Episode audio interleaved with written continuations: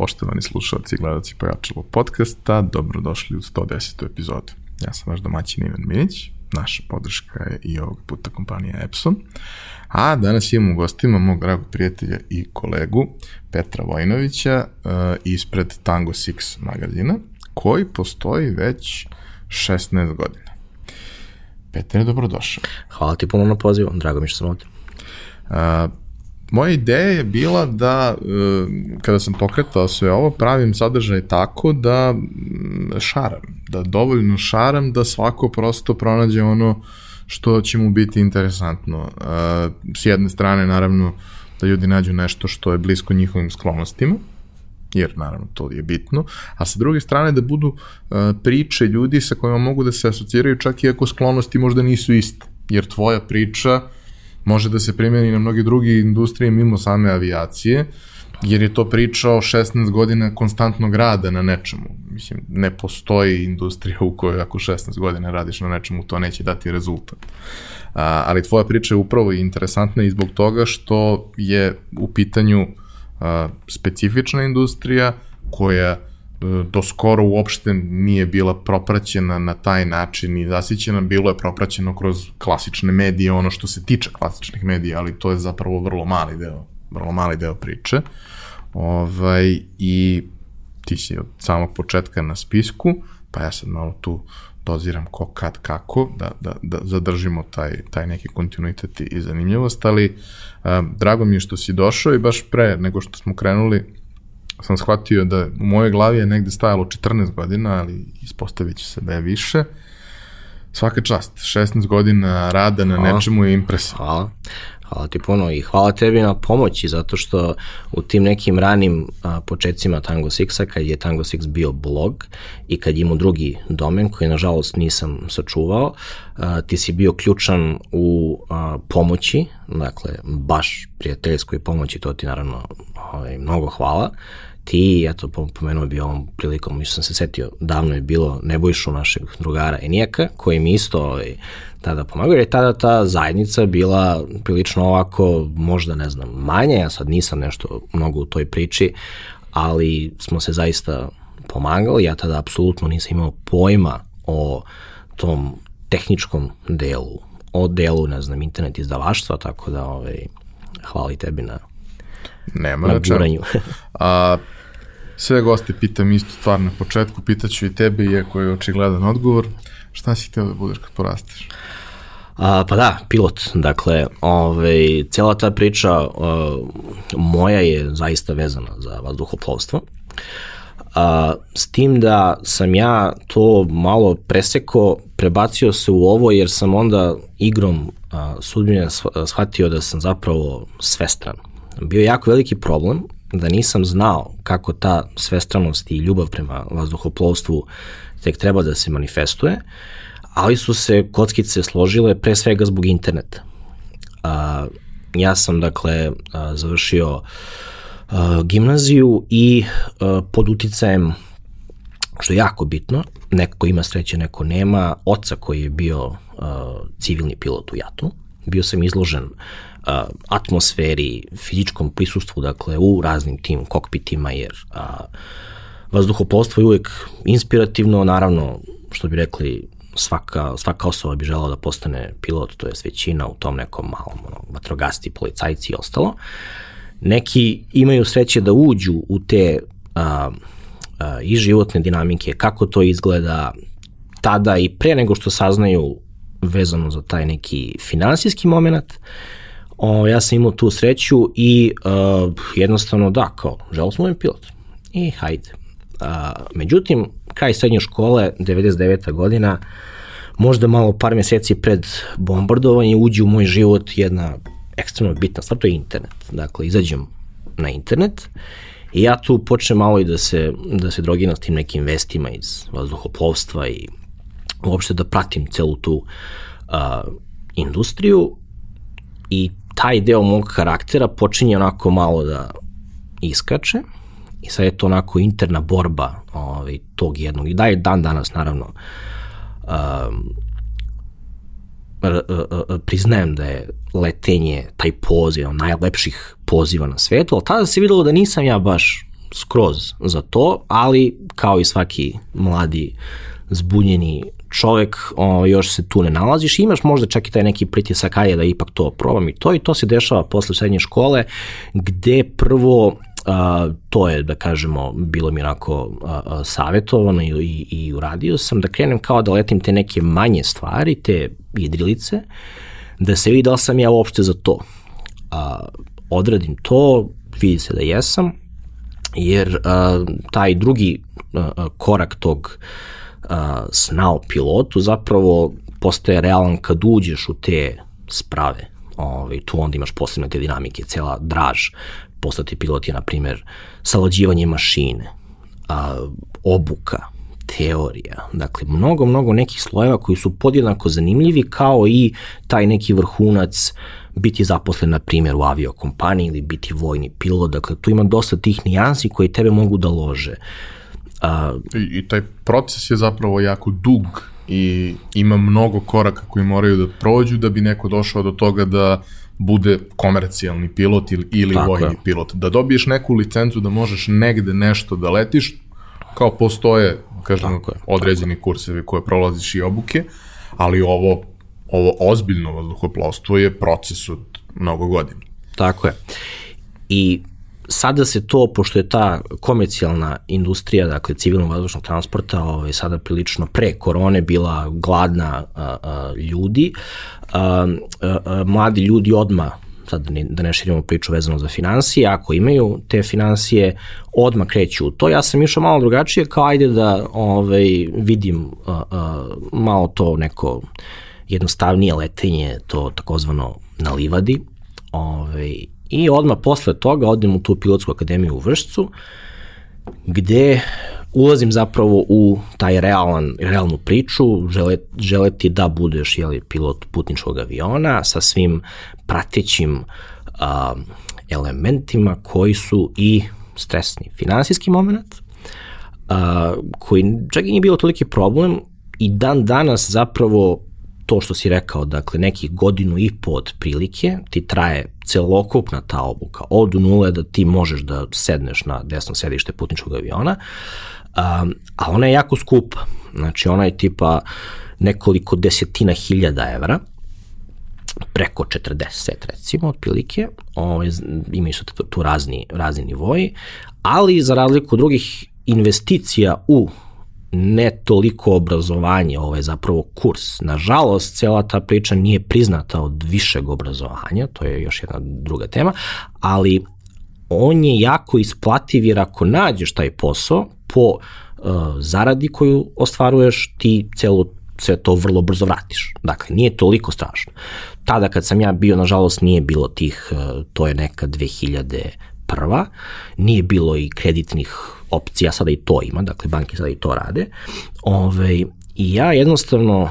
onda mi tu negde na polovini cele te priče, ja se onako baš zbunim. Znači, s jedne strane bude i finansijski moment, ali mogo sam da ga rešim, ali internet kreće da me truje pod navodnicima sve neki ti nekim ono, fa, fantazi svetom koji je ta industrija, gde ja zapravo počinjem da osjećam koliko to mene zapravo loži i vojna i civilna, ali na nekom mnogo većem nivou prisustva u tome. Apsolutno nisam to povezivao ni sa novinarstvom, ni sa blogerajem, ni sa sadržajem, nego, kako kažem, nešto tu moram da uradim. Kombinacija tih faktora, ja onda to, da kažemo, prekidam, a, blogovi tada postaju a, popularni i to je jako bitan deo cele priče, tada društvene mreže nisu postojale. Tada su postojali, dakle, prvi a, a, prva stepenica ili forumi, pa zatim blogovi. Uh, mene blog kao forma, ja to evo i dan danas sećam, me toliko inspirisala, toliko je to bilo tada interesantno, da sam jednostavno razmišljao kao pa je kao ja da počnem to da radim. Ajde vidjet ću ovo što sam počeo, nastavit ću, ne znam, bilo je tu još komocije da kažem, bio sam mlad i ovaj, smislim to ime, a, tada je bio dakle tangosixblog.com i a, zapravo shvatim koncept bloga kao originalan sadržaj, što će kasnije da se uh, ispostavi kao uh, ključno, o civilnoj vojnoj avijaciji, toj zajednici koju sam tada jako dobro poznao, poznao ljude i prvi možda uh, kod nas krećem da pišem o toj industriji uh, na način na koji niko do tada to nije pisao. Znači, jedino si imao neku vrstu opcija komentarisanja na forumima koji su opet bili uh, ograničeni i eto, tako je, tako je ukratko počelo. Uh, san o biti pilot, kako da kažem, a, a nikada kasnije evo do dan danas zapravo nisam završio tu svoju letačku obuku, iako sam ne, ne znam, vikend letenje s drugarima i ostalo, to je uvek. Čak sam pre par godina i bio u uh, jednoj austrijskoj fabrici aviona gde su mi čak i dali da letim neki tip aviona koji nikad nisam ni leteo. Uh, uvek se ponovo vratiš u taj emotivan deo cele te priče koji te uh, inspirisao. Uh, ali sam zapravo, i to je uvek teško prepoznati, sebe prepoznu u toj svestranosti koja koliko god da mene zapravo ispunjava je a, obrnuto proporcionalno, što bi rekli, komplikovana i kompleksna. I tu počinje cela ta avantura. Ja, ti ako se opredeliš za ovo, to je lukrativna profesija od koja se lepo živi, ima svoje pozitivne i negativne strane, u smislu da mnogo nisi tu, mnogo, mnogo imaš obaveza, ali si onda to i samo si to. Vrlo je redko da Ključna možeš da stvar. da budeš nešto, nešto više. Samo si to, da. Nije, nije baš nešto što ako ti sad doziraš koliko ćeš, kako ćeš, to ne funkcioniše tako. Dok si mlad treba da isforsiraš, kada dođeš u neke godine onda možda i možeš da doziraš, ali ne ostavlja prostor za sve te ostale stvari koje su te zanimale. A, kada smo se mi upoznali, ja ima tome 15 godina, ti si bio jedan od mladih ljudi koji pišu a, neke blog sadržaje kod nas, ali si bio jedan od redkih koji to ne pišu kao neku vrstu uh, ličnog javnog dnevnika o životu i čemu god, odnosno, ok, pisao si to, ali si imao svoju, svoju usmerenje. Znači, zanimale su te neke konkretne stvari, imao si svoju nišu i njoj si se posvetio i, ok, u okviru nje si uh, eksperimentisao na razne strane, ali imao si svoje, svoje usmerenje. Uh, kako si ti to zamislio? Kad si odlučio da ćeš da kreneš, šta ti je bila ideja? Pa eto da, počeo prvo od, od imena koje sam smislio, dakle, koje apsolutno ne znači ništa, ali koje, evo, sad je evoluiralo do pre par meseci je Tango Six čak i fizički iznad svih medija u regionu, tako što je jedan od naših pasioniranih čitalaca u kalifornijskoj firmi koja proizvodi nanosatelite napisao Tango Six na satelitu evo sada negde tamo Tango 6 napisano 500 km iznad niske zemljene orbite, to je u niskoj zemljene orbiti. Um, trebalo je to napraviti kao proizvod, jer sam ja uvek nisam skroman, u planovima sam uvek bio megaloman vezan za tu izdavačko medijsku krajnju, krajnji cilj, zapravo da ja od toga napravim neku vazduhopolno medijsku imperiju, šta god to značilo tada ne znajući tada u tom trenutku internet toliko i gde će to otići, ali uh, je uh, tada sve počelo da se formira, jako je to bilo presmešno, iako ja sve što sam radio, uh, ni za što nikada nisam bio kvalifikovan formalno, dakle nisam imao nikakvu školu, obuku, ništa, ali sam početak dimenzionirao tako da taj brand može da bude posle 15 godina i nešto ogromno. Kao ime, e, to je ta teorija, dakle, smisli neko ime, ne znam, Google, na primjer, koji tada kad je neki inženjer rekao ili tom kreativcu, pa kao šta to znači, to ne znači ništa, ok, nebitno, sad je glupo, kasnije mu ti daš značenje i sad je to termin. Tako i ovo. I um, želja je bila, dakle, da uh, to zapravo bude medij. Jer sam ja bio inspirisan inostranim medijskim sadržajem u industriji, koji mi je neverovatno fascinirao i koji me je zapravo prevagnuo ka toj, ka ovoj priči koja počinje, dakle, 2002. 3. Uh, I tu, dakle, imamo internet deo, imamo poslovni deo i imamo novinarski deo. Dakle, to je jedan triling uh, i moje ličnosti i Tango Sixa, jer sam ja zapravo kad bi se ovo sve preseklo, sve ovo napravio prema sebi, dakle da to može da bude onda moj neki način života, ali tada to je jako interesantno, kao i sada kada neko pravi neki svoj biznis na internetu, um, uh, uh, uh, kako da napravi sve te neke elemente koji su kao i svaki biznis mnogo teški i zahtevaju početno ulaganje, edukaciju i sve to ništa, ništa apsolutno nisam imao. Dakle, nisam imao nikakav početni kapital, nikakav, nikakvo formalno obrazovanje, ni u poslovnom delu, ni u tome kako, ne znam, napraviti firmu, ništa, ništa od toga, nego jednostavno, ajde da to dimenzioniram da može da bude u početnoj kreativnoj zamisli nekada ogromno, bar po ambicijama, pa da vidimo. I krenem, uh, i onda dođe taj drugi segment, a to je taj poslovni aspekt svega, toga koji me isto jako a, i, i, i privukao. A, I tada sam jedan od prvih poslova u tom, ajde da kažemo, consulting biznis delu, zapravo bila jedna ogromna Coca-Colina promocija gde je Coca-Cola uh, angažovala neke helikoptere, bojila ih u tome i onda sam se ja tu nekako bacio kao neki posrednik uh, gde sam onda video da imam neku, neki neku sposobnost prodaje i sebe i nečega, što da i dalje je bilo prilično onako smešno, ali rezultat je bio realan. Ja sam, ja sam tu nešto nekome omogućio, spojio ih. Tada otvaram svoju prvu firmu. Evo, baš danas imamo a, a, priču oko jednog političara koji ima razne neke offshore račune. Ja sam, tada, ja sam svoju prvu firmu otvorio u Delaveru, jednostavno sam otišao na internet, ono, offshore priče. Ne znam iz kog razloga, ove, ovaj, to je taj deo učenja poslovnog aspekta svega, svega toga, da bi ja imao neku, neki pravno-poslovni entitet koji čak posle nije ni bio vrlo brzo i ugašen. Dosta lekcija sam tu naučio, ali taj prvi, ta prva recimo promocija sa Coca-Colom me ubacila onda u taj deo market, ono, marketing sveta, kasnije neke PR stvari, što sve fascinira, ti si dalje mlad, glup i nesposoban, kao, jeli, mlad čovek, ali uh, uh, inspirisan ja počinjem otprilike da vidim da uh, uh, od toga otprilike možda i ne može da se zaradi. Nisam baš tada bio siguran u potpunosti da od pravljanja sadržaja novinarstva apsolutno ne može da se zaradi, ali otprilike osjećam da to nešto mora da se nekako spoji. Uh, I onda uh, ulazim u svoj neki drugi biznis, tada počinjem da zastupam jednu firmu koja radi u industriji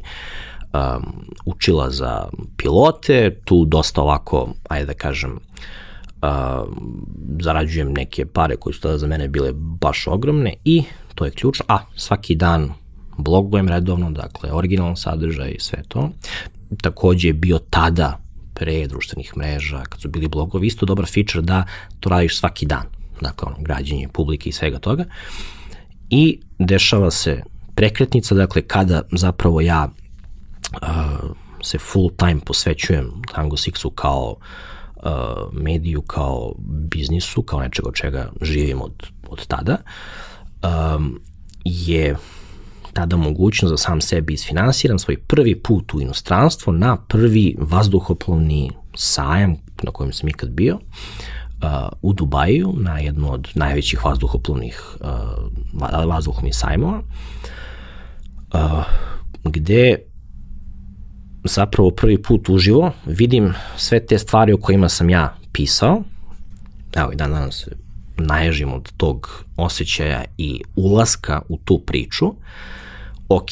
avioni, taj neki uh, prizemni deo tog loženja, sve je to i dalje spektakularno, ali i ulaziš u tu industriju, upoznaješ firme, upozna, intervjuišeš ljude, onda te neko, uh, onda istimaš, ne znam, nekog PR-a. PR te spoji sa uh, ne znam, marketingom. Onda vidiš da taj koji ti daje intervju da je on zapravo inženjer koji je sada u sales a, a, a, ulozi. Onda počinješ polako da, da razmišljaš da vidi kako ta neka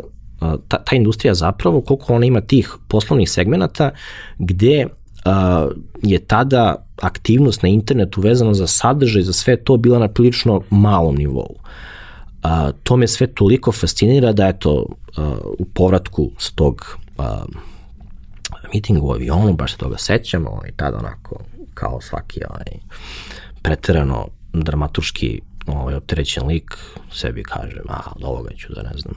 živim, iako opet i dalje nemam pojma kako i to da se, da se izvede, ali tada kao odlučim da će to da mi bude nešto čega ću da živim. U početku, naravno, podrška, vrlo, vrlo bitna podrška porodice, moje pokojne bake, mame, deke, uh, u celoj toj priči, ali uh, otprilike kapiram taj neki obrazac, da je to zapravo presek sadržaja, uh, biznisa i novinarstva. I da završim tu, da kažem, taj deo priče sa novinarstvom, da u nekoj fazi jednostavno samo da bi kao bolje blogovao, nalazim neki kurs za novinare. Isključivo da bi, ajde da bar neki kurs kao završim, ali samo za idejam kao da bolje blogujem. Odem na taj kurs i opet kakav sam, dakle to mi je priroda, sad me naloži nešto potpuno treće, a to je to novinarstvo. Imao sam sreće da je taj kurs bio ovako malo napredniji, šest nešto meseci, TV, radio i print i uh, vrlo brzo opet dalje nastavljam da blogujem. Um, epilog tog kursa je praksa. Ja ulazim u tadašnji Blitz i u nekom kratkom vremenu, otprilike uh, shvatam kakva je to ta mainstream industrija. Gde i dalje postoji taj, ta neka želja za jednim od najfascinantnijih brendova ovih prostora, Miroslav Lazanski, Vojska, ne znam i sve to, ali ja vrlo brzo razumem da to sektorsko novinarstvo i da bi ja kao, ne znam, se kao samo bavio time, da to više ne postoji. Počinjem da, da shvatam koliko su mediji um, a, a, a, kako da kažem, u lošem stanju i, ajde da kažem, relativno nebitno, ali i po ličnim prihodima, um, tada internet u, opet, u mainstream medijima nije bio ovo što je sada. Uh, I ja to bataljujem vrlo brzo, uh, dobijam neke zaista dobre, dobru edukaciju, dakle, što je zaista nakon toga unapredilo celu Tango Six priču. I uh, drugi deo priče vezano za vojnu tematiku je kada sam umesto služenja vojnog roka kao uh, služenje civilnog vojnog roka radio kao novinar na služenju civilno, na služenju civilnog roka u uh, magazinu naše, naše ministarstva odbrane. Tu odslužio vojni rok i stekao, da kažemo, neku, uh, neki upliv u celu tu vojnu priču, pa sam posle i nakon toga ostao uh, u toj odbrani, čak i trebao sam da bukvalno izaći, malo su oni bili, ja kažem, da mogu da jedan nastavi, ne znam, dolazim u kancelariju da nešto kao radim, oni pa kao, što ima, to je plat, mislim, imao si ovo što si trebao da uradiš, sad kao idi, ali ako hoćeš kao ostani, pa onda ja i ostanem tu neko vreme, naravno sve paralelno ovaj, dalje blogujući, Ove, I tako zapravo to mi isto bilo jako a, a, odlična škola. I već otprilike a, a, skapiram i te neke standarde da ne mogu samo da privlačim a, čitanost i efekte na osnovu nekih mnogo jakih mišljenja koji su dosta u tom nekom početku bili neobuzdani, koji su bili jako zanimljivi, većinom tačni, ali sam onda nakon svih ovih, da kažemo, edukacija i ušao u priču um, uh,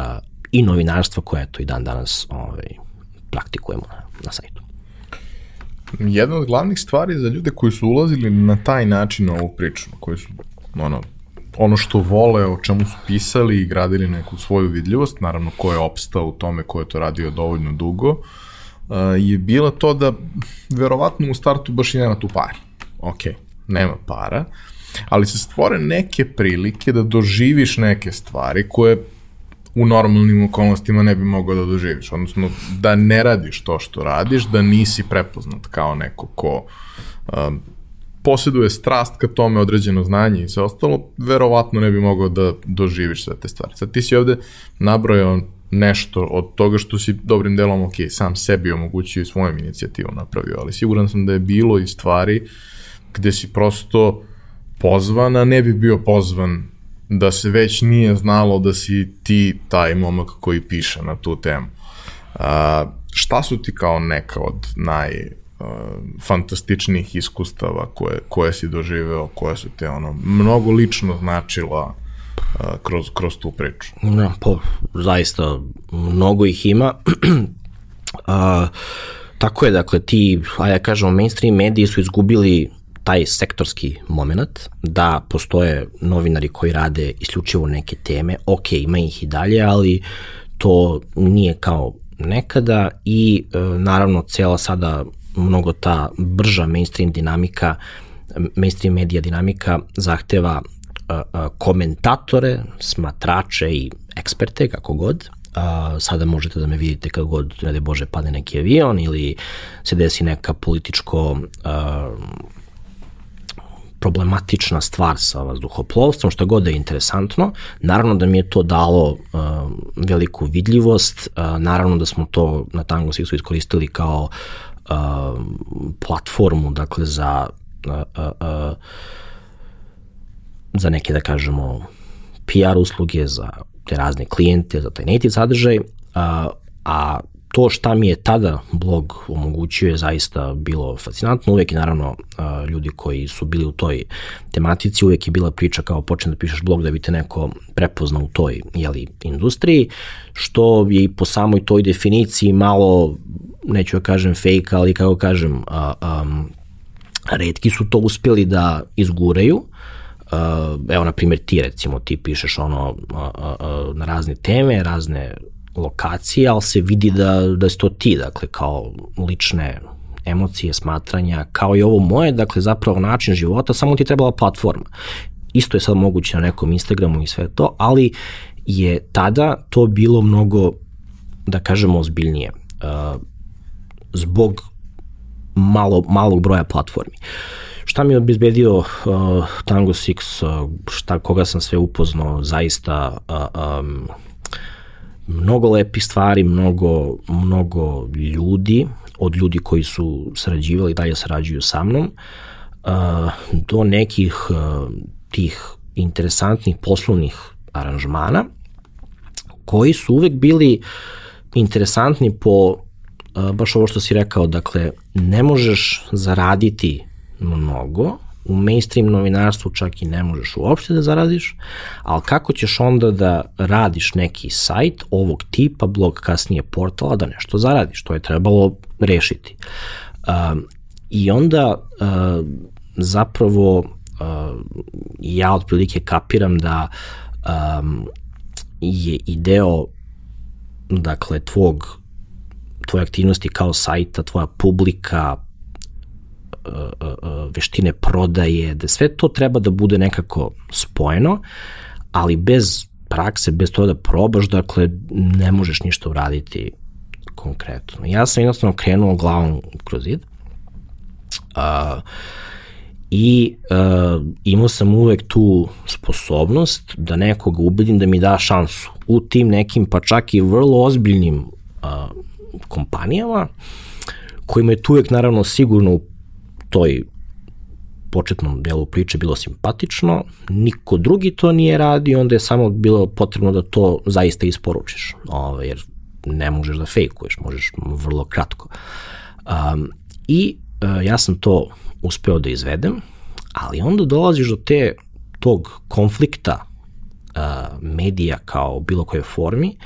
da on zapravo nikad ne može da bude potpuno profitabilan, jer ako bude toliko ovaj, blagosloven parama, on mora da pravi kompromise sa um, svojim strukom, što je potpuno kontraintuitivno. Uh, ja sam to rešio na, na razne načine i, na primjer, eto, jedna od uvek kontraverznih priča koja će to biti zauvek je nacionalna aviokompanija, koju ja uvek, koju sam ja uvek podržavao. Sve u Srbiji se politizuje. Dakle, to je isto jako veliki problem Tango Sixa, što smo mi ušli u politiku ne zato što smo, ne znam, stranački opredeljeni za bilo koga ikada, već je sve politika. Na primjer, eto, moje kolege iz netokracije, IT, recimo, nije bio toliko opterećen politikom, čak evo i sada u poslednje vreme i to jeste. Ti ne možeš da izbjegneš politiku, oni koji uh, komentarišu, koji nisu baš posvećeni u tom tim društveno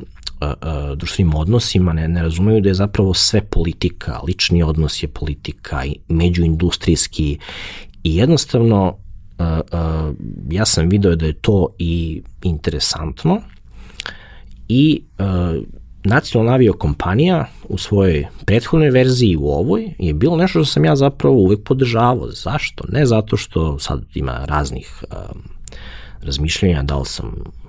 od ovih ili onih, da li sam pre bio ovakav ili onakav, ne nego zato što me ta nacionalna aviokompanija, ne znam, odhranila kad sam bio malo dete. Ta vrsta emocije je nešto potpuno drugo,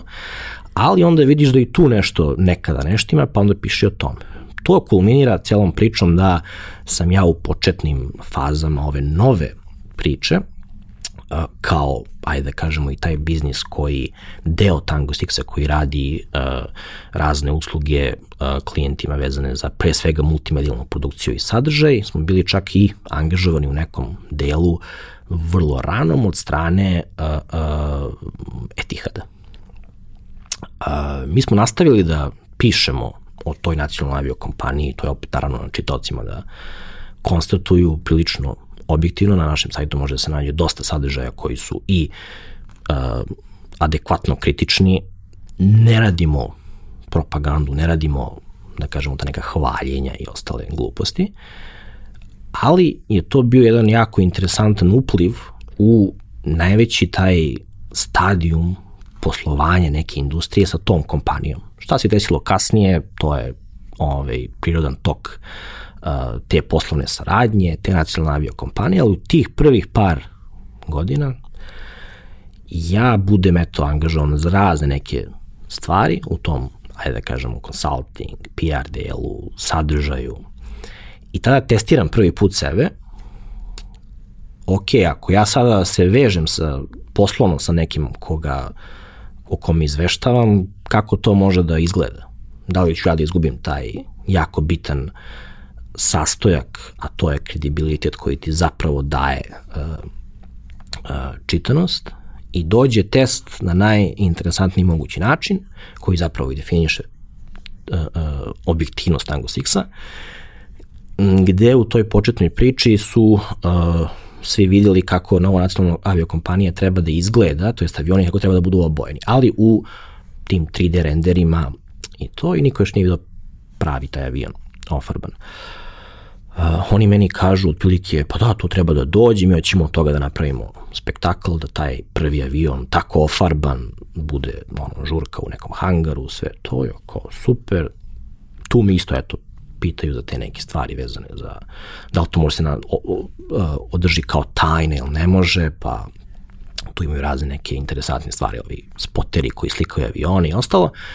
Nebitno i ja otprilike znam da oni to baš taje i da hoće da naprave baš ono veliki spektakl od toga. Znam informaciju koju eto malo drugih zna. Igrom slučaja, uh,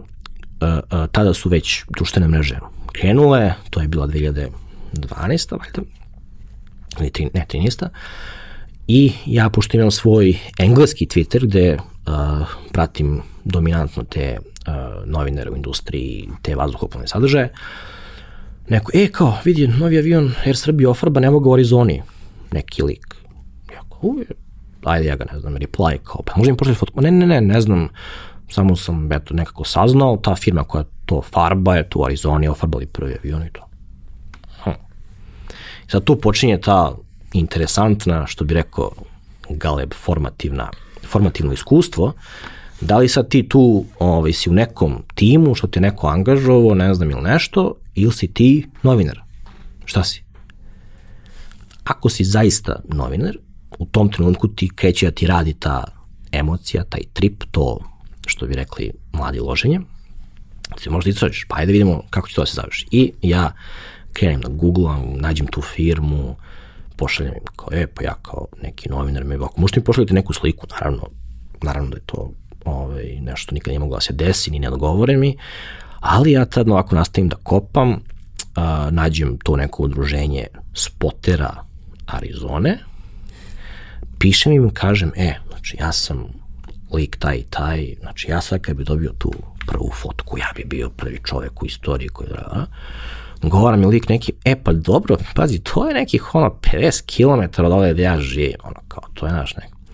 I ja kao, ajde brate, molim, mislim, bukvalno je tako išlo.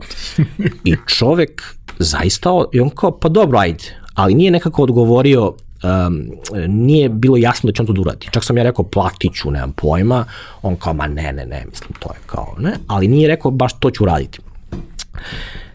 Tada se sećam da je tada bio tweet up u našem tada omiljenom uh, lok lokaciji HQ, uh, to veče, kada ja na kraju čak tog nekog tweet-upa, pošto naravno uvek sam nosio i dan danas nosim laptop sa sobom,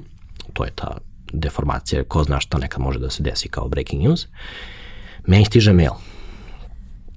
Ja dobijam fotografiju prvog ofarbanog aviona nove nacionalne aviokompanije,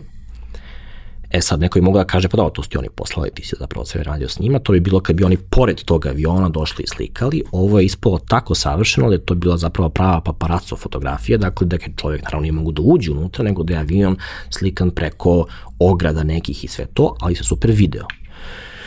I ono, ono, istorijski moment, sve to ono, ovamo već ljudi planiraju reveal, žurku, efekat, PR, medijski, ovo, ono, ja tu razmišljam jedno 4 do 5 sekundi i kao sve do tada kad je bilo ipak na nekom malo manjem nivou i poslovanja i aktivnosti da nisam mnogo, mnogo da izgubim, mada i mogu sam, odlučim da to objavim. To bukvalno eksplodira, ali tek nakon što sam objavio, ja tim nekim bitnim ljudima iz te priče pošaljem mail i kažem evo vam link, ja sam ovo morao da uradim i to je to. Budući da je to bilo u delu tom nekog PR-a ili šta god vođeno od strane nekih stranaca i verovatno i to svima je odgovaralo, oni su bili u fazonu, ne, super, okej. Okay. Ta fotografija naravno završi u svim medijima i tada, tada je već to i formalno i prebrendirano kao portal, dakle Tango si tada bio portal, ali opet i daju u nekom blog formatu. Um, ta fotografija završi na naslovnoj strani politike sutradan ujutru. Uh, mislim, bilo je i pre toga je izlazak u mainstream medije, ali ja tada shvatim da zapravo, ok, u svakoj društveno-političkom svakoj društveno-političkom okruženju će uvek postojati cenzura, pritisak, interes, sve to, uvek ćeš ti moći da nagrabusiš, ali da je uvek da, je, da je takođe interesantno da opet zavisi od tebe, naravno da sam ja u nekim delovima uvek bio dovoljno mali da sam i toliko nebitan. I da je moguće i ovo, dakle da na neki način zapravo uh, uh, možeš možda i da zarađuješ i da praviš ovaj, ajde da kažemo to pod navodnicima, što sad danas mora da se navodi, pravo novinarstvo. Tako da mi je to bio eto neki eksperiment i odgovor na tvoje pitanje šta je sve bilo zanimljivo, zaista, zaista mnogo stvari. A, pošto sigurno postoji neko, pa nema baš mnogo dece koje nas slušaju do duše, ovaj, ali sigurno postoje neki ljudi koji, koji ovo slučaju, koji su imali iste strasti koje si ti imao, koje su te privlačile pre svem, prema svemu tome. Volio bih da ipak podeliš neka mesta, neka, neke doživljaje koje si doživeo koji su, koji su van serijski. Ja sam deo toga ispratio gledajući sa strane i, i radujući se što, što to sve doživljavaš, ali ja ne razumem težinu i kontekst toga. Meni je to samo nešto lepo što se dešava šareno lete ljudi. ovaj, ali siguran sam da, da iz tvog ugla je to ipak malo drugačije. Pa da, dakle, eto, ja sam od uh, tog prvog vazduhoplovnog sajma obišao bukvalno sve to do pre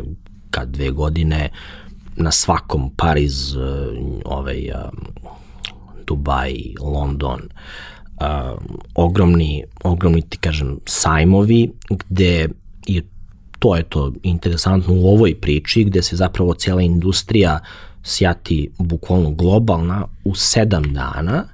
i ti onda imaš eto mini avanturu od svega toga da ne znam izveštavaš i sve to, naravno to je ekstremno naporno. Um, ti onda ne znam uh, primetite na primjer američka ambasada. Ok, uvek si bio kao od ovih, pošto imamo jako, mislim možemo i da pričamo, specifičnu čitalačku bazu,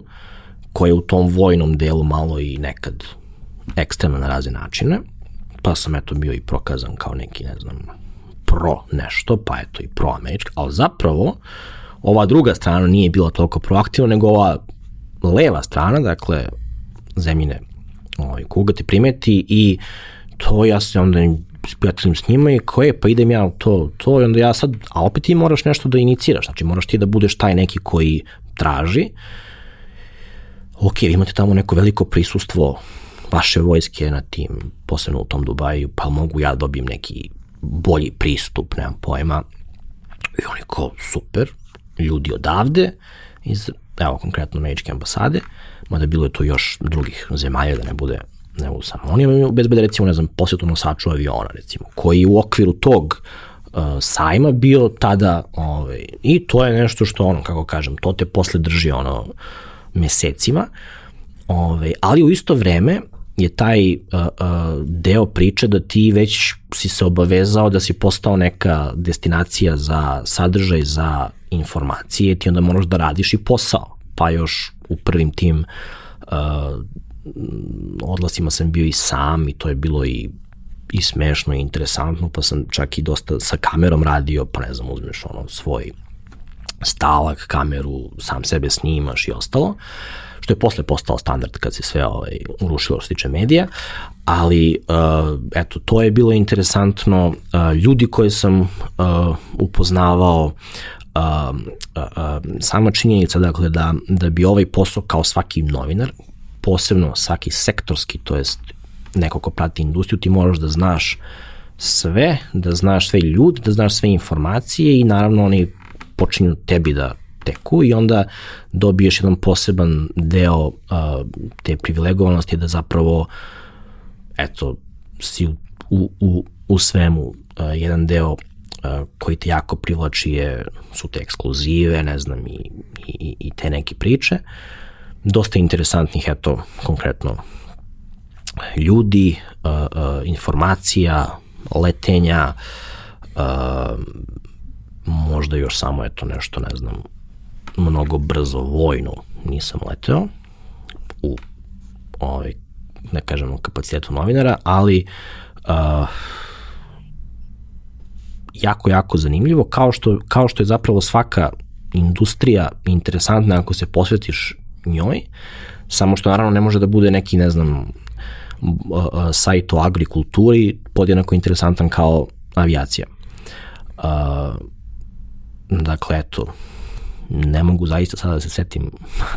Dobro, neki dobrih ljudi koji, primjera, ali... koji su ovaj, zainteresovani za temu, verovatno i sami znaju, a i mogu da prelistaju nazad pa da vide šta je to sve. Ali činjenica je da, ono, zahvaljujući svemu tome, dobio si prilike e, i što je vrlo bitno, verujem da, da, da je vrlo važno taj moment da si naglasio da kao, ok, e, prvo, ti moraš da se ponudiš, ti moraš da se prikažeš, ti moraš, možeš da sačekaš da te primete, ali mnogo će lakše da te primete ako im skreneš pažnju. Apsolutno. Ovaj, a sa druge strane, da kao ako postoji, a nema toga u svim industrijama, ali u nekom obliku u većini ima, kao ako postoji neko centralno mesto gde se ti ljudi skupljaju, pa budi tu. Mislim, Absolutno. žrtvuj sve što, što možeš da bi bio tu, jer prosto a, to je jedini način da započneš razgovor u pravom svetlu. Danas sve može da se počne i tako što ćeš da pišeš nekome na LinkedInu ili na mail, ili ne, ali nije isto. Mm, tako je, tako je. Jer previše ljudi piše na mail, previše ljudi, Ovo je nešto gde se, kao, gde se ljudi skupe i potpuno su skoncentrisani na to i ako si ti deo toga, ne možeš da ne budeš primećen. A posebno što, uh, znaš, kada uzmeš da radiš nešto i uh, radiš to za sebe ili ko za sebe, ovaj, i uradiš ga dobro, nema mnogo dobrih intervjua. Uglavnom ljudi zapamte ako je neko radio dobar intervju sa njima. Pa jednog dana kada im treba nešto, jave se tom nekom, a ne bilo kome. Tako je, kao ti, na primjer, eto, tvoja strast, ne znam, prema sportu, ovaj, ne može da napravi loš sadržaj, odnosno pravi jako interesantni sadržaj, jer se tu vidi koliko je neko emotivno povezan sa a, temom, kvalitetno je napiše, tako i ovde, dakle ja isto ne bi mogao ništa da, da postignem, da zapravo mene je cela ta tema toliko ne zanima, da ja nisam toliko upoznao i naravno tu treba da postoji, ajde da ga nazovemo, ne znam, talent, lucidnost ili kako god da se ti nekako izražavaš, da ulažeš u kvalitet, jer cijela ova priča, ok, ja mogu da živim od ovoga, ja imam nekoliko ljudi, variralo je, varirao je broj ljudi u Tango Sixu, um, ali uh, uh, tu nema mnogo dodatnog profita, odnosno ako si ti sve u ovom mom slučaju dimenzionirao kao tvoj način života, ti želiš da to bude kvalitetnije, pa onda reinvestiraš u to, pa onda imaju sad razni stresovi poslovanja, a tek medijskog poslovanja, što je tek ono šizofrena kategorija sama po sebi, uh, ti dakle jednostavno uvek ulažeš u taj kvalitet. Uh, sada, to smo eto baš pričali, mladi ljudi ili stari ljudi, nebitno, koji bi sada počnu nešto, jako je teško jer postoji toliko kanala uh, uh, emitovanja, toliko društvenih mreža da bez ozbiljne neke finansijske investicije ti ne možeš da se probiješ. Dakle, sve ovo što sam ja uradio, što ti uradio, je takođe plod vremena, ok, dakle kad si mogao da budeš prvi jedini, zaokupiš pažnju i sve to, ali osnovni uh, uh, sastojak i kvalifikator je vreme. Dakle, moraš da traješ i to bi sada bukvalno eto i ocenio na 10 plus godina da ti moraš nešto da radiš, da to postane zaista neki da kažemo, brend ili poverenje ili destinacija koju će neko pre, ako bi sad ušao u naše statistike, video bi da je domen jako jak i sad te neke delo, del, delovi tih organskih posjeta i šta god. Dakle, to je sve posledica pre društvenih mreža. Ovaj, a sve to uh, ne može bez um, te kombinacije, da kažemo, sa, sa strašću prema temi i ono što smo rekli malo pre, dakle da, ok, jeste da ćeš, da imaš te tehničko-industrijske, posebno u PR-u, savete na počni blog da bi te neko kao video, ali to je samo alat i to kao možda ti ono, i to ćeš, to kao i svi kada počinju blog, počinjem blog od srede pa ću da pišem, no, i to naravno niko nikada ne uradi, ove, jer eto, vrlo je, vrlo je specifično. Jedna od posebnih stvari je što ako planiraš nekakvu dugoročnu aktivnost, a oprediliš se za platformu koja dugoročno neće opstati, onda si džabe pravio to sve. A tako je uglavnom, znači period poluraspada neke društvene mreže je ono do 10 godina najčešće. Ovako kada se kada ti gradiš svoje prisustvo plus je vidljivost na, na mrežama u onoj meri u kojoj ti to možeš i želiš da ispratiš, onda je to samo kao dodatak, suplement celoj Tako. priči, a nije neka osnova od, od, od koje uh, se počinje i sa kojom se u suštini sve završava. To jeste jedan, znaš, dosta kad, kad istražuješ ono, fen, fenomene influencera, iako oni mene u principu generalno užasavaju, ovaj, dolaziš do, do tih nekih momenta gde kao a, treba napraviti stratešku odluku da li ostaješ na platformi na kojoj si, koja je u padu, ili ideš za publikom na novu platformu za koju ne znaš da li će uspeti. Pa se ti kao, znaš, klackaš se između ta dva, malo jedno, malo drugo, ako radiš malo jedno, malo drugo, ne radiš ni jedno, a ako pređeš, možda to bude super za tebe, a možda to nikad ne poleti. Tako je, a, a baš stresno, evo, super primjer, dakle, TikTok, recimo ja sad drogiram baš TikTokom, ako si neka prosječna, ne znam, eto, fashion influencerka, nebitno, mada respekt je za njih, ovaj, šta hoćeš, da radiš samo, ne znam, na, na Instagramu. Šta ako, ne znam, Instagram, ono, bukvalno ako ne znaš tu faktor authentication ili izgubiti se profil ili Instagram nešto pukne, Um, Ili samo ljudi ostari i prestanu da dolaze, kao što je bio slučaj sa Facebookom. Tako je, ali, baš ovo si rekao, znači, uh, trendovi, ali ako si rešio, i sad se vraćamo u onaj moj romantično, filozofski, bez veze put avionom nazad i odluku, koja, neću da sada nešto preterujem, to je čisto neki trip bio,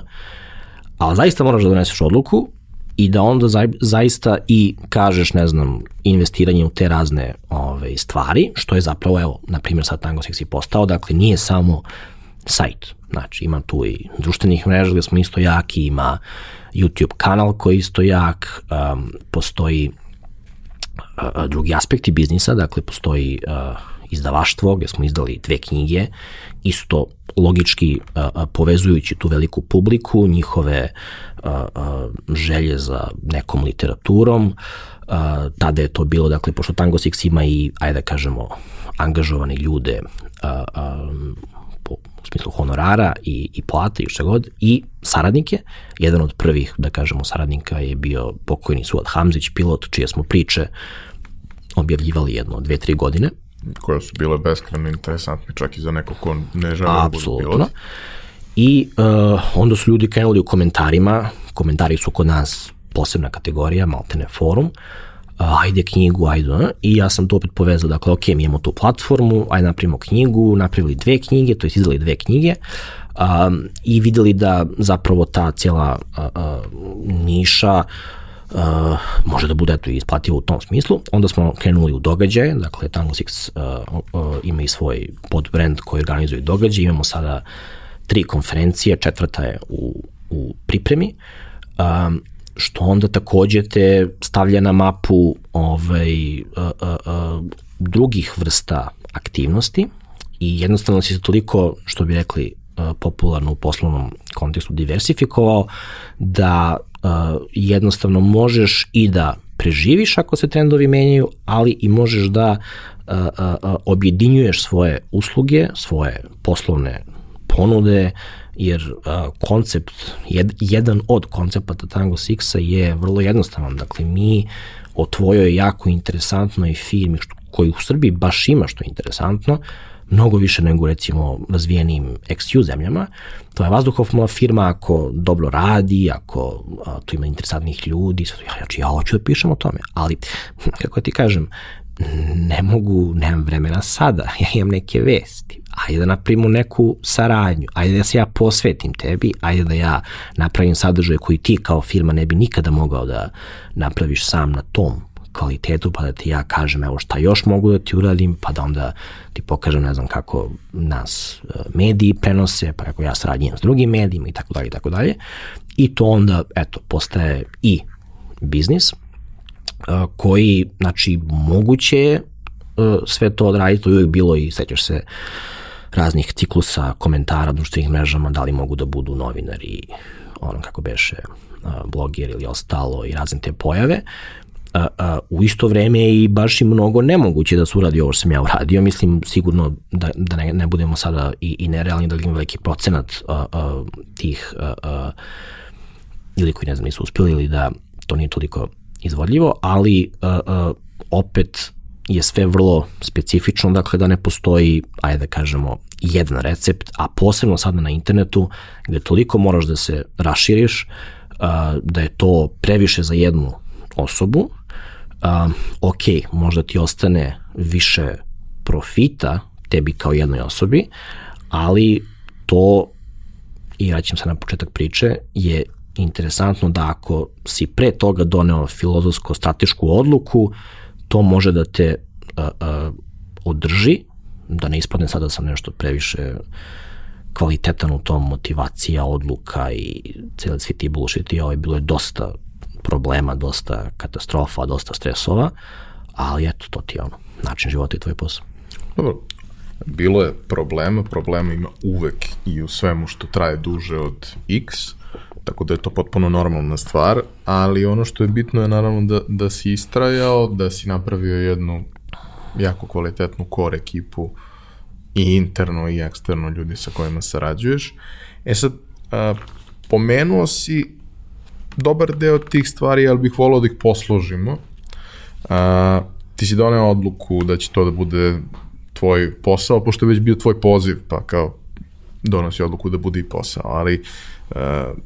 napraviti od toga posao nije jednostavno i linearno upravo zato što kao to nije nešto gde ćeš da živiš od prodaje banera i svakog mesta će sigurno da ti leže da li će da legne hiljadu ili hiljadu i po nije baš izvesno, ali će sigurno da legne ne, neka količina, toga nema. Toga prosto nema, to ne funkcioniše na taj način, postoje neke industrije u kojima to jeste tako, ali i njih je sve manje. Zato i rade mediji to sve što rade da bi opstali i mislim ne opravdavam to ni u kom smislu principu mi se sve to prilično gadi, ovaj, ali ima nekih svetlih primjera i ti primjeri su uglavnom vezani ovako za neku usku struku ili nišu. Uh, pomenuo si šta su, šta su stvari koje, koje vi radite, ali hajde da probamo da ih poslužimo kroz, kroz neke, da kažemo, vertikale iz kojih imate izvore prihoda, neke aktivnosti na kojima stalno radite, kako prosto uspevate da izgurate svaku godinu bez obzira na sve izazove kojih ima, a bilo ih u poslednje vreme i mnogo više nego što je normalno. Tako je, evo, e, naša treća konferencija, dakle mi kad radimo konferencije, to je, evo da kažem, e, razmera, to je, ne znam, hotel, to je, dakle, do hiljadu učesnika, sve najveće vazduhoplovne globalne firme, dakle mi smo prva firma koja je ovde imala uh, nastupe, uopšte organizovala konferenciju, zapravo je konferencija jedina u XU u prostoru, od Airbusa, Boeinga, svih najvećih vazduhoplovnih, civilnih i vojnih priča. Ona je bila otkazana zbog korone, cijela industrija je otišla u, u, u kanal, ali, na primer, događaji su bila, da kažemo, eto, strateška odluka kao i to apsolutno ništa, ja nisam izmislio, većine medijskih uh, organizacija, ovih manjih, uh, koji prave i konferencije, jer znamo, jeli, sponzorstva i iznosi, to nekad može da tako da iskoči u, u iznosima. Um, I onda sam tu, eto, opet ja bio, kako da kažem, možda jedini koji to može da uradi, apsolutno, kao i cela ova priča hronološki ništa nisam znao o konferenciji, osim da sam išao na njih i to pre svega na ove IT konferencije. To me i delo mi naložilo na sve to, a posebno kada sam bio u inostranstvu i uh, gledao sve te sajmove. Pa ja to uradim u Srbiji. I to uradimo uh, uh, i jednostavno interesantno je da je ideja bila u jednom vremenskom trenutku i ja zbog nekih drugih aktivnosti redovnih zaboravim to da realizujem, opustim se, prođe neka tri meseca odakle i jedan čovek, da ga sad ne pominjemo, nebitno, jedan prilično ovako jake medijske organizacije koji stoji događaje, e, kao, e, vidiš, avijacija sad postaje, ti to radiš, aj, napravimo nešto. Ja u fazonu, au, znači, evo, sad neko skapirao da, evo, tada, kada je to bilo, 14. 15. zaboravio sam, 16. zapravo, ovaj, i na, nova nacionalna aviokompanija, aerodrom i razne stvari, a u vidi čovek mnogo jači od mene, mnogo sposobniji uh, to radi, on to smislio, krenem sebe da prekoravam, što isto jako strog prema sebi, kao pa šta će sad čovjek da te angažuje da ti uradiš to za ne znam 300 evra da nešto budeš neki konsultant? I ja ubrzam sve ovo što sam ranije ovaj, planirao, jer zapravo on ne bi mogao da dođe do to su sad neke, da kažemo, veće priče kontakata i ostalo, to zaista mogu samo ja po mom tom nivou kontakata. I kreni ta priča konferencija koja je jako bitna za medije malih veličina, gde po nekoj poslovnoj, da kažemo, poslovnoj razmeri je to dovoljno da te to finansira nekih par meseci. Uh, I tome smo se baš posvetili, poširio sam i tim baš uh, uh, sa ljudima, uh, uh, dve fantastične devojke koje su tada radile baš na događajima, pa onda paralelno i na izdavaštvu, jer taj, da kažemo, sve fizički što možeš da prodaš sada u digitalno vreme, možda ima neki, aj sada to vrlo grubo filozofski da kažem, revival, dakle da ljudi žele da uzmu, što bi takođe isto i, i, i brendirali kao merch, to jest majice, knjige, razne neke stvari, to ljudi u sa strastima u određenim nišama sigurno žele da kupuju moja neka strateška odluka je bila da su to knjige. radili smo dosta stvari drugih, ne znam, delimo kalendare uvek i, i ostalo. To je deo priče, tu, u tom izdavaštvu smo bili prilično uspešni.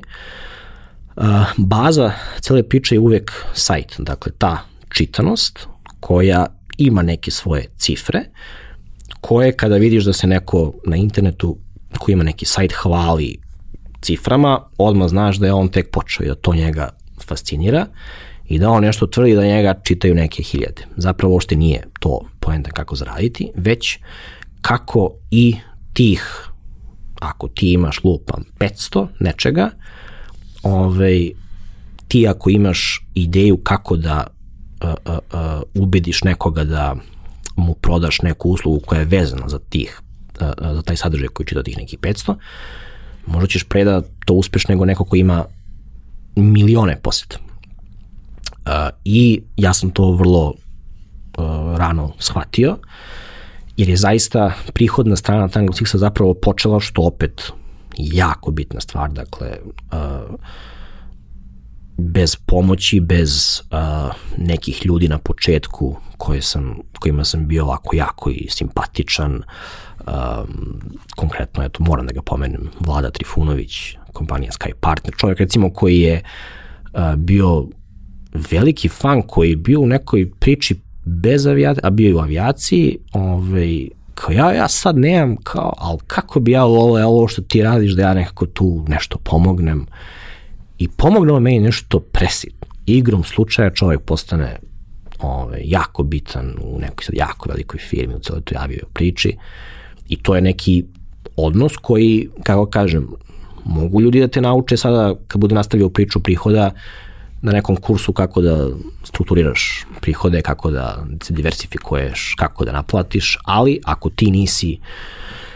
eh, normalan, fair, um, ako eto, nekome nisi ono, simpatičan i neko ne misli da je to što ti radiš vredno, neće biti kao što je meni bilo, dakle da, je, da su razni ljudi pomogli, I kad su, evo recimo isto jedan je kad sam sećam se, tražio neke prve neke oglase, nešto. I uvek kada, tada, kad neko napravi WordPress temu, sve te, to je uzme WordPress temu, sve WordPress teme su imale onaj sidebar sa četiri uh, pozicije za banere. Pozicije za banere i ti gledaš, oh, vidi, znači ovo sad može znači, da se zaradi od ovoga, znači ja sad ću da uzimam ovdje po 5000 evra svakome i to ću ja da živim. Ok, super.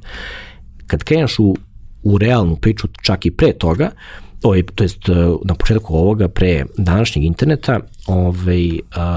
ja sam tada pičovao, dakle, naravno, needukovano govorići, mislim, Tango Six uvijek imao super brojke, ali to je jedan od tih ovaj, koji imao neki biznis, neki čak i pilot shop, je bio ja, znaš, mislim, ne, ali ajde, ti si ono baš ono, isto, cijela priča, znači, na početku, simpatičan i sve to, evo tebi kamera, I on je čovjek meni zapravo kupio tada video kameru, ne znam koju sam ja posle godinama koristio i tako počne. Onda ti, znači, kako kažem, ako neko ne osjeti ovaj, neku uh, uh, strast u tebi kad ti kreneš prilično bazičnu prodaju, gde zaista lupaš gluposti i nemaš pojma, možda ne možeš da dođeš do nekog većeg nivoa. Onda učiš i onda ja sada recimo ovaj, apsolutno kada prodajem, a sada dolazimo na taj odgovor, dakle strukturiramo celu priču uh, native uh, sadržajem, dakle baš tom filozofijom, dakle mi bi zaista pisali iako oni koji ne prate vazduhoplovstvo razmišljaju pa šta ima tu toliko da se uh, piše, zapravo sada vidite po mainstream medijima da i o najglupljoj temi neko mhm. zbog internet dinamike može da napiše svašta. Ovde zaista ima mnogo toga da se priča i mi onda kažemo, pa ne, pazi, ti ovo sa što radiš, ti kao firma, ti si super, ali mi jednostavno nemamo vremena da se posjetimo, imamo ove vesti. Da, ili ćemo se posvetiti u nekom mnogo manjem obimu Tako nego što je. bismo kada bismo Tako mogli je. da se fokusiramo. Ali u ovoj prodaji uh, uh, tvog rada ti možda dođeš tek kada si toliko i uticajan, kad toliko tvoje newsletter baze imaju toliko i toliko ovaj toga i onda mora da dolazi presek između tvoje veštine prodaje i istine toga što prodaješ, jer ima mnogo onih koji lupaju gluposti i e, sebe jeli hvale, ali u nekom trenutku dolazi do toga da ti zaista to a mnogo pomaže. Možda isporučiš i taj, tu, taj procenat konverzije zaista ispunjavaš Ja sam to, eto, godinama opet samouk, a, a, jer zaista nikada nisam nikoga ni, ni, ni lagao u tojim, tim efektima i uvek bio iskren, isporučivao te a, a, pro, a, rezultate i onda kad to prodaješ ti već znaš i kako to da radiš i znaš da kad gledaš čoveka u oči kad mu onih prvih 20 sekundi saopštiš to odmah vidiš po pokretu očiju da li on se ono odmah isključio ili ti veruje i jednostavno a, a, krećeš da nudiš a, a, nešto što a, tim kompanijama zapravo mnogo treba, jer naravno da je uvek prvi odgovor što ja da plaćam za PR, za šta ja, ne, ne, a u stvari posebno ovi koji imaju preseke i sa vojnim i sa tim kao, nemoj sada to neko, evo tek smo sada počeli da sad neko nama nešto sazna, pa on ti možeš da ih edukuješ, da vidiš dakle sa njima dakle celu priču mnogo pre nego što su se i pojavili, ja sam to radio dakle i pre kad je native postao uh, uh, brandiran, pa čak i ovaj sad employer branding isto, dakle to je bilo potpuno logično da ajde da uh, ostvarimo saradnju da ćemo mi da pričamo o, ne znam, vašim ljudima, to će to da vam pomogne pri zapošljavanju i ostalo. Uh, tako da, taj deo, dakle, native sadržaj, A, multimedijalna produkcija je isto ono, jako velika priča koju smo isto radili, posebno u tom video delu. A, tu smo dosta stvari radili a, i jedan treći ili četvrti deo je taj neki consulting, a, to je opet vezano isključivo za mene, to je jako interesantna kratka priča kad sam upoznao jednog jako, jako bitnog lobistu za jednu jako veliku globalnu firmu u vazduhoplovstvu ovde, čovjek me tu davo neke informacije kao novinaru, priču šta se dešava i ostalo i onda je on meni rekao kao ja tu naravno uvek ovaj, pa dobro, ajmo da vidimo, ne znam, jel mogu oni nešto da me, ne znam, lupam, pošalju neki put, da ja to nešto, neka kompenzacija, nešto. Pa da, sve to može, ali vidiš, ti sad si kao blog, kao, to, je, to je malo neozbiljno, kao. I tad mi je recimo taj čovjek konkretno rekao, pa ajde, znaš, kao, vidi da to nešto malo, ne znam, ozbiljiš, da ovo, da ono, i on me između ostalog i uputi u te neke načine funkcionisanja svega toga. Uh, I on mi takođe kaže, pa evo vidiš ovo kao ja ovaj posao koji radim, povezujem, ne znam, ljude i sve to, ali to ovo što si mi ti ispričao, kako kažem, ono, evo, to čak ja nisam znao. Šta sam ja ispričao? Ja sam mu preneo neke stvari koje se pričaju, jer gomila neaktivnog vremena, e, neprofitabilnog vremena koje kao novinar pro, provodiš u toj nekoj apsorpciji sadržaja, vesti, svega toga i kontakata sa ljudima. I čovjek mi jednostavno kaže, znači, ti bi trebao da naplaćuješ kafe, da ja neko sedne s tobom, te informacije koje ti njemu da kažeš, to košta. Naravno, meni to bilo koji normalni, kao, mislim, kako to da, da mislim, nisam razumeo priču, ali o, ovaj, sam ja na to kasnije počeo da spajam sa um, zapravo nekim dodatnim uslugama koje se vežu za um, objavljivanje sadržaja u, na vrlo specifične načine, kroz razne discipline o kojima naravno uh, ne bi da pričam uh, i zapravo nikad neću pričati jer su baš specifične, uh, ne bi to mogao da nekome savetujem, ne znam kako da uradi, ali uh, je to prirodna ekstenzija toga da se, ne znam, baviš time, kao na primjer što će, ne znam, novinari da završavaju u PR agencijama, da ih angažuju, ne znam, za razne neke projekte, što je nažalost sada realnost, dakle da tu svoju kor veštinu, koju nikako ne mogu da naplate zadovoljavajuće, jednostavno prošire, to sad zovemo vrlo ovako sivo i konfuzno i neodređeno consulting, ali ima dosta da kažemo izvora prihoda i od toga. Ono što je vrlo bitno, ti si se dotakao toga, ja ću se vratiti na to, uh, to je da kroz te komercijalne saradnje vi zapravo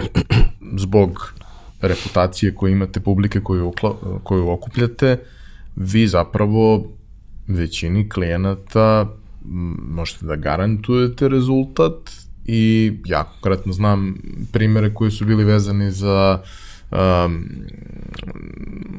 škole letenja i takve stvari gde prosto da, uh, to je nešto što može da se marketira na mnoge načine, ali ograničena je količina ljudi koji mogu da krenu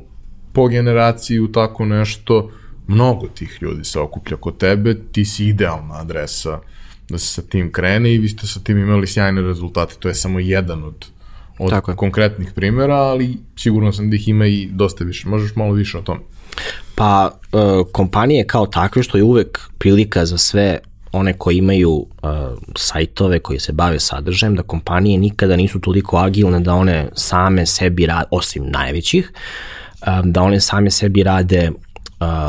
promociju, oglašavanje, na primjer, eto konkretno škola letenja, koje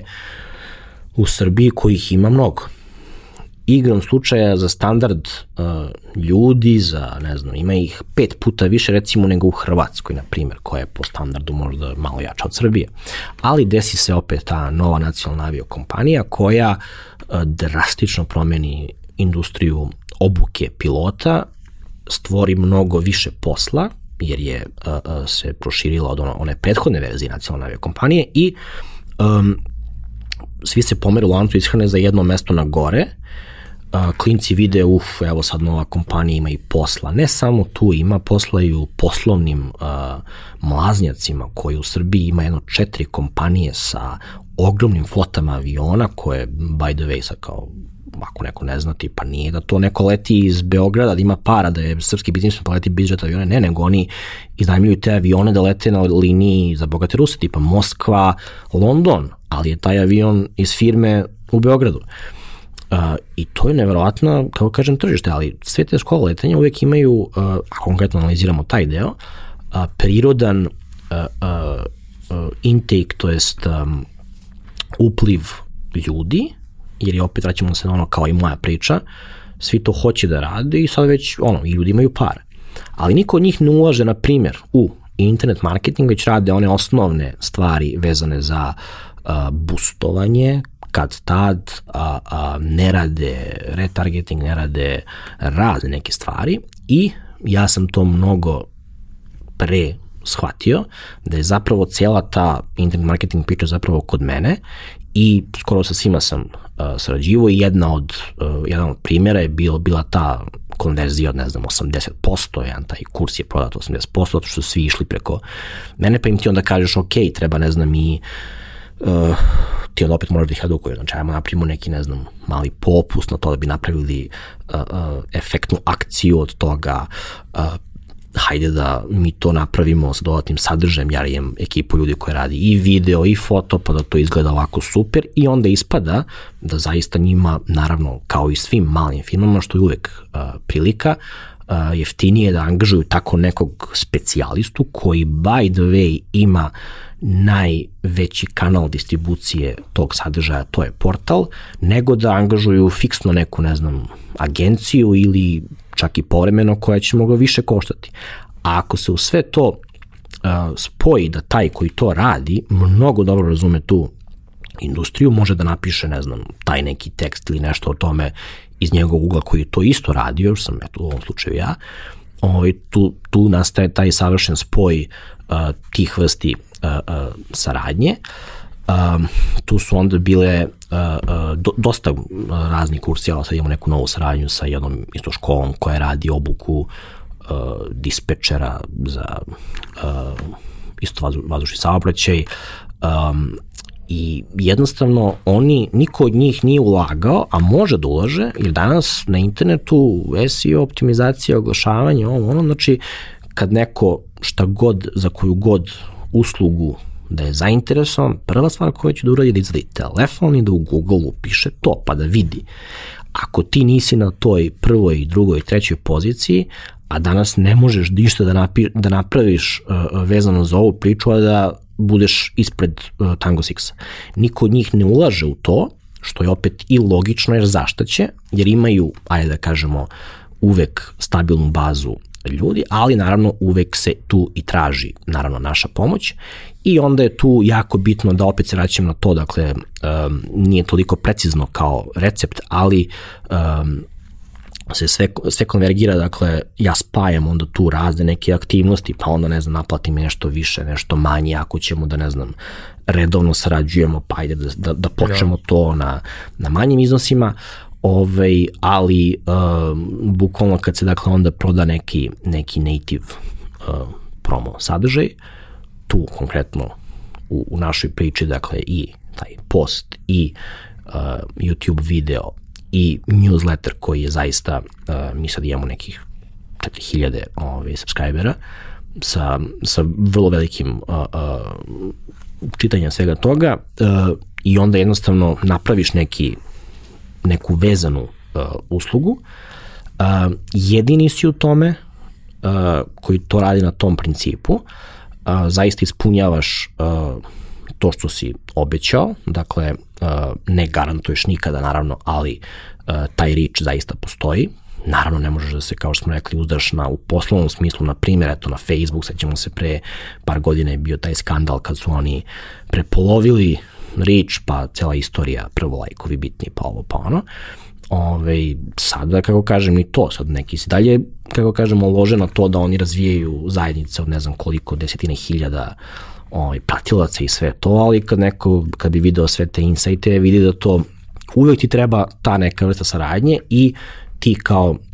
neko ko je uh, uh, koji se bavi time kao mi, dakle, uvek moraš da budeš proaktivan i velika većina tih saradnje je, dakle, zapravo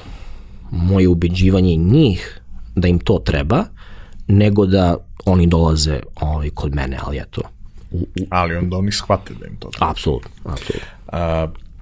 avio industrija je prilično pogođena svim ovim što se dešavalo prethodnih godinu dana i dalje se dešava. I ne znamo do kada će se dešavati, ali nešto nije baš izgledno da će da stane vrlo brzo.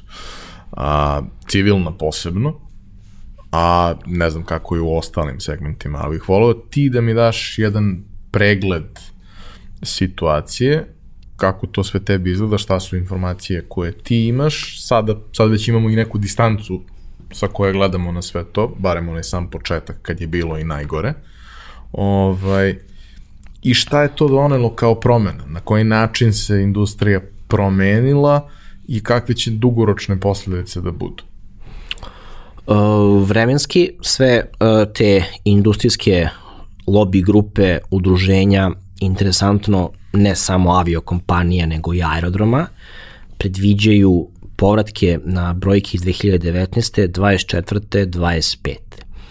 Uh, to su predvideli pre, to jest u 20. pre 21. jer tek u 21. vidimo da čak i vakcina ide sporo. Ali oni su i pre toga, jer si ok mogo da se nadaš pa evo brzo će vakcina, pa što da se reši za par meseci, rekli do četvrte, pete, zašto? Ne zato što ljudi neće da pohrle nazad kada u nekom imaginarnom trenutku virus nestane, jer hoće, nego oni cene Znači, govorimo o poslovnim aktivnostima industrije, poslovne aktivnosti kao što su, ne znam, kupovine aviona, plate, kreditna zaduženja, sve te poslovne dinamike koje su sada došle na neverovatno dno i treba će im, ne znam, toko godina da se vrate. Jer je industrija bila u neverovatnoj ekspanziji, pa čak i u Srbiji, što je opet neverovatno, da je, evo, konkretno ova vlast, a, a, uložila pre svega u vojnu industriju milijardu i 300 miliona evra od 2016. do danas za nabavku novih novog hardvera i vazduhoplovnog. što je to nama dalo priliku da pišemo nikad više, imamo opet saradnje sa velikim stranim vazduhoplovnim kompanijama koje to prodaju i um, vojni deo je prilično ne pogođen time. Imali smo jednu od najvećih na koju sam isto par puta bio uh, sajam u Abu Dhabi u IDEX koji je održan pre mesec dana u najgorim mogućim brojkama korone sa kao jeli, ovaj, svim epidemiološkim zaštitama, ali je poslovni princip vrlo jasan. Dakle, Arapi toliko para imaju da ako odemo tamo da dobijemo sidu neka, vas dvoje, troje odete, da mi nešto zaradimo. Tako da taj deo, pa čak i u Srbiji, koja naravno ima neke velike objektivne probleme, pa ljudima i dalje nije jasno zašto to nabavljamo i to oružje i svega toga, zapravo da skratim priču, vrlo jednostavno, decenijama se ništa nije obnavljalo i sada mora, plus se to spaja sa političkim populizmom i to je sve super. A, a, civilni deo priče, dakle, ljudi će da se vrate, onda je da lete, onda je priča da li će imati pare da lete, to treba da se vidi. Aviokompanije konkretno i aerodromi vezano uh, zarađuju od, pre svega, od poslovnih putnika. Kompanije će, i vidimo i strateški, pre svega ko prati, na primjer, IT, vidi da je uh, remote work uh, će biti, dakle, kancelarije odlaze u nekim kompanijama, u nekim pričama o prošlost. Putovanja se sada vide da mogu da se, da se eliminišu za neke ne toliko potrebne stvari. To mi je bio jako veliki izvor prihoda. A, drugi Druga kategorija u prevozu aviosaobraćaja je takozvani VFR saobraćaj, Visiting Friends and Relatives, dakle populacije koje idu potpuno logično, uh, ekspati, uh, uh, božići, ne znam, nove godine i ostalo, ti znaš da ta populacija ljudi, ne znam, ali to je opet malo. I treći deo priče je um, turizam, koji je, dakle, aviokompanije zarađuju leti, zimi, to je jako veliki problem, dakle, mislim, ljudi, kako kažem, ljudi ne razumeju, mislim, razume, ne cene, dakle, da te neko stavi u stolicu i stavi na 10 km visine, da letiš iz Beograda do Londona za dva sata, to mnogo košta. Ok, industrija je to optimizovala i sve to, ali ti kao prosječan konzument, sve što je skuplje od 50 evra za avio kartu, ti si u fazonu, a, ovo je, ne, ne. I onda kako oni da, sada kad bolje čovjek razmisli laički, kako oni da, jer taj avion treba da se kupi, ta, te posade tehničari, to su ono ogromne zbog bezbednosti i plate i sve to, i onda zapravo dođeš do e, zaključka da oni zimi, onda niko ne let, niko nigde ne ide osim poslovnih putnika, znači leti, svi putuju, i onda oni imaju problem, kad je taj avion parkiran, on mnogo košta, i oni su imali pre toga eksternu sezonalnost u poslovanju. Uh, I sada je svakoj, i to je to prostor koji se treba posmatrati, svakoj nacionalnoj aviokompaniji, svakoj većoj, ne toliko stabilnoj, će biti i ovo leto jako ključno. Dakle, ako se nešto jeli, ne improvizuje, sad da ne idemo u sporost vakcinisanja, uh, ostale dinamike turističkih destinacija, uh, to može ili da ih slomi ili da im obezbedi da, da se ne udave. Da prežive do zima. Tako je i to treba da se vidi uh, i ta struktura koju sam rekao putnika i četvrta neka kategorija su ti transfer putnici, da sad ne širimo priču, ali to je priča ovo zašto je Srbija, ne znam, toliko velika, to, oni su imali jednu u nekom delu priče, strategiju, da oni povezuju celu ovaj, priču i da onda ti preko Beograda uh, si kao transfer putnik, dakle, uh, da oni prodaju tebi kartu od, ne znam, uh, uh, Bliskog istoka do Beograda, pa onda od Beograda, ne znam, do Njujorka. Ima i tu neka margina zarade. Da, a kad sam, kad sam išao, bilo je sigurno 40% stranaca u avionu. Tako je, to mnogi ljudi ne razumeju. Ok, sve te kritike koje opet i mi iznosimo, dakle, koliko god da sam rekao, podržava nacionalnu kampaniju, kao poslovno politički projekat, on ima ekstra mnogo problema i ljudi ne mogu da shvate kao poredski obveznici zašto oni to sve finansiraju. Ali u ovom četvrtom izvoru načinu kako oni zarađuju, uh,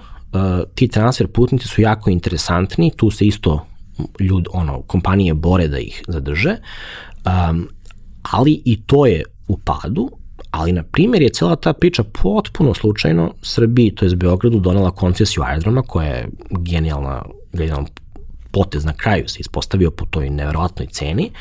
da je cela ta nacionalna aviokompanija zbog tog dramatičnog porasta putnika po tom transfer principu dobila neke astronomske brojke, da je neko onda uleteo s parama na 25 godina, da se ti ne zadužiš i čak ima sad obavezu da u sred korone nastavi sa tim enormnim investicijama,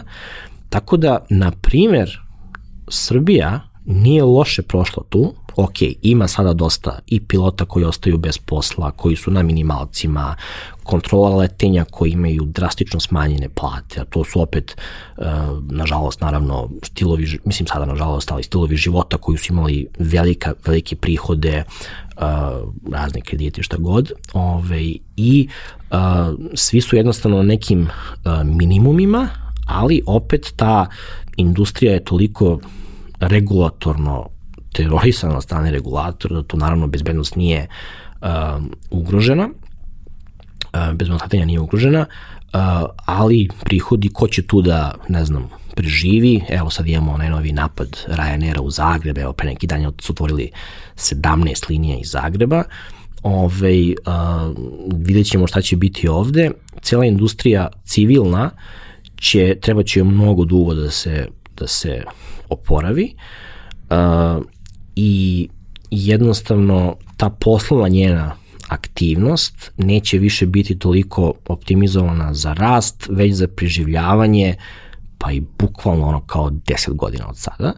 Ove, ovaj, a što se tiče kao fizičkog lica koji ovo sad gleda i kaže pa dobro ću moći ja kada ono završi se korona da letim, moći ćeš, bit će, ali u tom poslovnom segmentu za njih će biti baš, baš teško. I generalno, koliko sam ja razumeo, biće vrlo problematično da imamo one uslove koje smo imali pre korone i da cene budu da možeš da ako planiraš na pravi način dobiješ toliko povoljne cene letova i na svega ostalog. New York za datum let iz Air Srbijom do New Yorka je oko 800 evra za neki datum u maju. Baš sam ne... Bio je oko 400. Eto. Ove, drugar neki pitao, pa ja proverio i a, kako kažem, znači sad tu ima ono, dve priče a, iz ugla poredskih obveznika. Ta cijela priča je a, ona košta i nije poslovno opravdano. Kad bi tebi neko dao neke, neke pare, Excel, da li ima to smisla? S druge strane, to treba posmatrati u kontekstu Srbije, pre 19. je konkretno ova verzija vlasti sada ovaj, zapravo imala neke prihode generalno gledano uh, kao država i oni su svesno rekli ubacit ćemo sve pare tu i taj New York konkretno nam je deo prestiža poslovnog nekog tripa da mi zapravo pravimo sada razne neke projekte ovde, ok, možeš ti sa Lufthansa da letiš i možda jeftinije i uh, mnogo više frekvencija, jer je jako skupo s jednim avionom to sve raditi, Ove, ali to je onda svesna odluka da gubiš pare uh, na osnovu nekog predloga vrednosti za neku kategoriju putnika, pa i ove, ne znam, transfer i sve to. E sad, viš kako ovo sad kad objašnjavam, sad bi neko mogao da kaže, aha, evo sad ti braniš, ne znam, ovu vlast i tu njihov wall, to je gubljenje para, ovo, ono, uvek ima kontekst, uvek ima širi kontekst i posebno u ovoj priči poslovne, poslovni parametri koje samo ja kao mediji i komentator nikad ne smem da negiram ovaj prvi da a, opravdanost trošenja para porezkih obveznika je nešto što o čemu treba da se priča, ako bi ja to negirao onda bi radio propagandu, ali s druge strane a, a, a, treba objasniti zapravo da to može da a, funkcioniše čak i ako gubi pare i da a, jednostavno pravi neke druge indirektne prihode koji su u kontekstu konkretno uh, koncesije za aerodrom potpuno neplanirano, dakle opet sada da kažem, ne radimo propagandu nikome, ali ako nacionalnu avio kompaniju, ne znam, ulupano, ne znam, koliko, 400-500 miliona evra, igrom slučaja potpuno je ona napravila, dakle, velike brojke na a, Beogradskom aerodromu, dođe koncesionar, napravi se tender i jedan koncesionar kaže evo vama 501 milion evra odma, tako i bilo, i 700 i nešto miliona evra širenja, ovo sa što vidimo ove, zgrade uh, i drugih raznih investicija, uh, plus se ti kao država ne zadužuješ kreditno i sve to, naravno da kogoda je sve ovo kreirao nije bio toliko sposoban i pametan da to napred isplanira, poveže, jednostavno se desilo, ali to je ta poslovna filozofija, ako ti ne kreneš da radiš i ne ulažeš u nešto, neće, što bi rekli, da se oplodi. Ovo sam sad ovako skrenuo priču da eto, se baš vidi način na koji i ja komentarišem te teme izveštavam o njima, jer mnogi, da se vratimo sad na taj medijski deo, uh, misle da moraju da budu na jednoj i na drugoj strani, posebno da je bolje sad u ovim toksičnim društvenim mrežama i svim tim pričama, ali uvek će biti mesta za uh, one koji uh, objasni celu priču, ceo ovaj kontekst uh, i samo je bitno dakle da s jedne strane ne radiš propagandu, a s druge strane da imaš uh, veštinu i znanje i iskustvo da objasniš mnogo dublju priču. Naravno, to neće možda da mnogo čitaju ljudi u long form člancima masovno, ali ćete eto, zvati neki mediji, neke razne druge stvari su, su moguće, tako da ovaj, eto, to je sam, samo sam pomislio ja da, mogu da, da, to... kažem samo kao putnik da ne postoji bolje iskustvo nego kad uđeš na avion u Beogradu, izađeš na JFK i nemaš tri presedanja usput i ovaj, tih 7 i po 8 sati. Prepešačiš ceo aerodrom za 10 minuta. Na, jer mislim, gotovo sve osim tog puta u New Yorku pre nekoliko godina, gotovo sve ostale varijante su podrazumevale nekoliko presedanja kada, kada sam išao u Ameriku i to je, to je strašno, posebno što koliko god bilo dobro isplanirano i sve, desi se da negde nešto prokliza, desi se da se neke stvari ispomeraju i onda uh, se stvari mnogo iskomplikuju. I dalje je magija da mi sa jednog na drugi deo zemljine kugle pređemo za manje od jednog dana, ali može da bude mnogo napornije nego što je ovako. Vrlo svakako. brzo, objašnjenje je vrlo jednostavno. Dakle, ti kao konzument, kao putnik, imaš svako pravo za, za, da tražiš cenu karte što nižu zato što si video da postoji neki poslovno, poslovni fenomen zvan low cost aviokompanije. Da ne ulazimo sad u tu priču kako oni to rade. Uh, I naravno da ti kao je slobodno tržište ideš da je jeftinije. A s druge strane, i to je interesantno eto, da čitaš nas ili da, da ja o tome komentarišem nekad i nećemo sada u detalje, da je to toliko skupo. Dakle, da to zaista može, ja sam naravno karikirao, ali svaki deo aviona je tripliran, ta, dupliran, neki tripliran, ta fail safe koncept, dakle ako jedan otkaže da drugi ovo i sama industrija je to skapirala u poslovnom delu, hm, pa dobro vidiš, ok, ako ja garantujem to neće sruši, a ja to naplatim pa, papreno. Bilo koju žicu, ne znam, bilo šta, tipa vatrostalne, vatrootporne ćebadi uh, kojim ti pokrivaš, to su ogromne, ogromne zarade, velike cene i to optimizovati je potpuno skoro pa i nemoguće, posebno u današnje vreme. Opet neću da idem sad u detalje da ne gubimo vreme, dakle kako su to low cost aviokompanije uspele, mada ni oni nisu uvek toliko low cost. I onda je to sve evolucija tog naj, biznisa je zapravo a, a, su aviokompanije, evolucija tog koncepta kome, sam, kome treba da zahvalimo najviše nacionalnim aviokompanijama, jer u istoriji 40-ih, 50-ih, tek, tek tada možemo zamislimo koliko je bilo skupo napraviti nacionalnu aviokom, to je aviokompaniju, pa su onda to radile države i onda se sve jeli, uh, uh, diversifikovalo, outsourcovalo kao i u svim drugim uh, granama ekonomije. I zapravo a, a, to je interesantno, dakle da to nikada ne može da bude jeftino, ali a, vi sad imate toliko izbora da sebi možete da nađete nešto prilično, eto, hajde da kažemo, ovaj, jeftinije, što i dalje, kako da kažem, ovaj, da sad ne idemo u, u detalje, koliko tu ima troškova, koliko tu ima ljudi koji su obučavani po ne znam, da li neki IT profesionalac mora godišnje da dva ili tri puta obnavlja svoju licencu, ako već ima neku veštinu u sebi, ne može da možda potencijalno ubije nekoga. Svi ovi koji rade mogu i onda su to enormni, enormni troškovi, ok, i negde velike plate, ovaj, ali eto, bar to da oni koji Ali u nas suštini slušaju... ti moraš da platiš za komfor. Ti možeš da pređeš od tačke A do tačke B na mnogo načina i sa mnogo opcija u ceni, ali ako želiš komfor, komfor košta. Apsolutno. Petre, hvala ti što si podelio priču Tango Sixa i tvoju ličnu priču. A, nadam se da, da vam je ovo bilo interesantno. Sva vaše pitanja, predloge, sugestije i sve ostalo ostavite u komentarima na, na YouTube-u. Hvala kompaniji Epson što, što nas podržava. Hvala vam što ste nas slušali. Hvala tebi što si bio. Vidimo se i čujemo sledeće nedelje.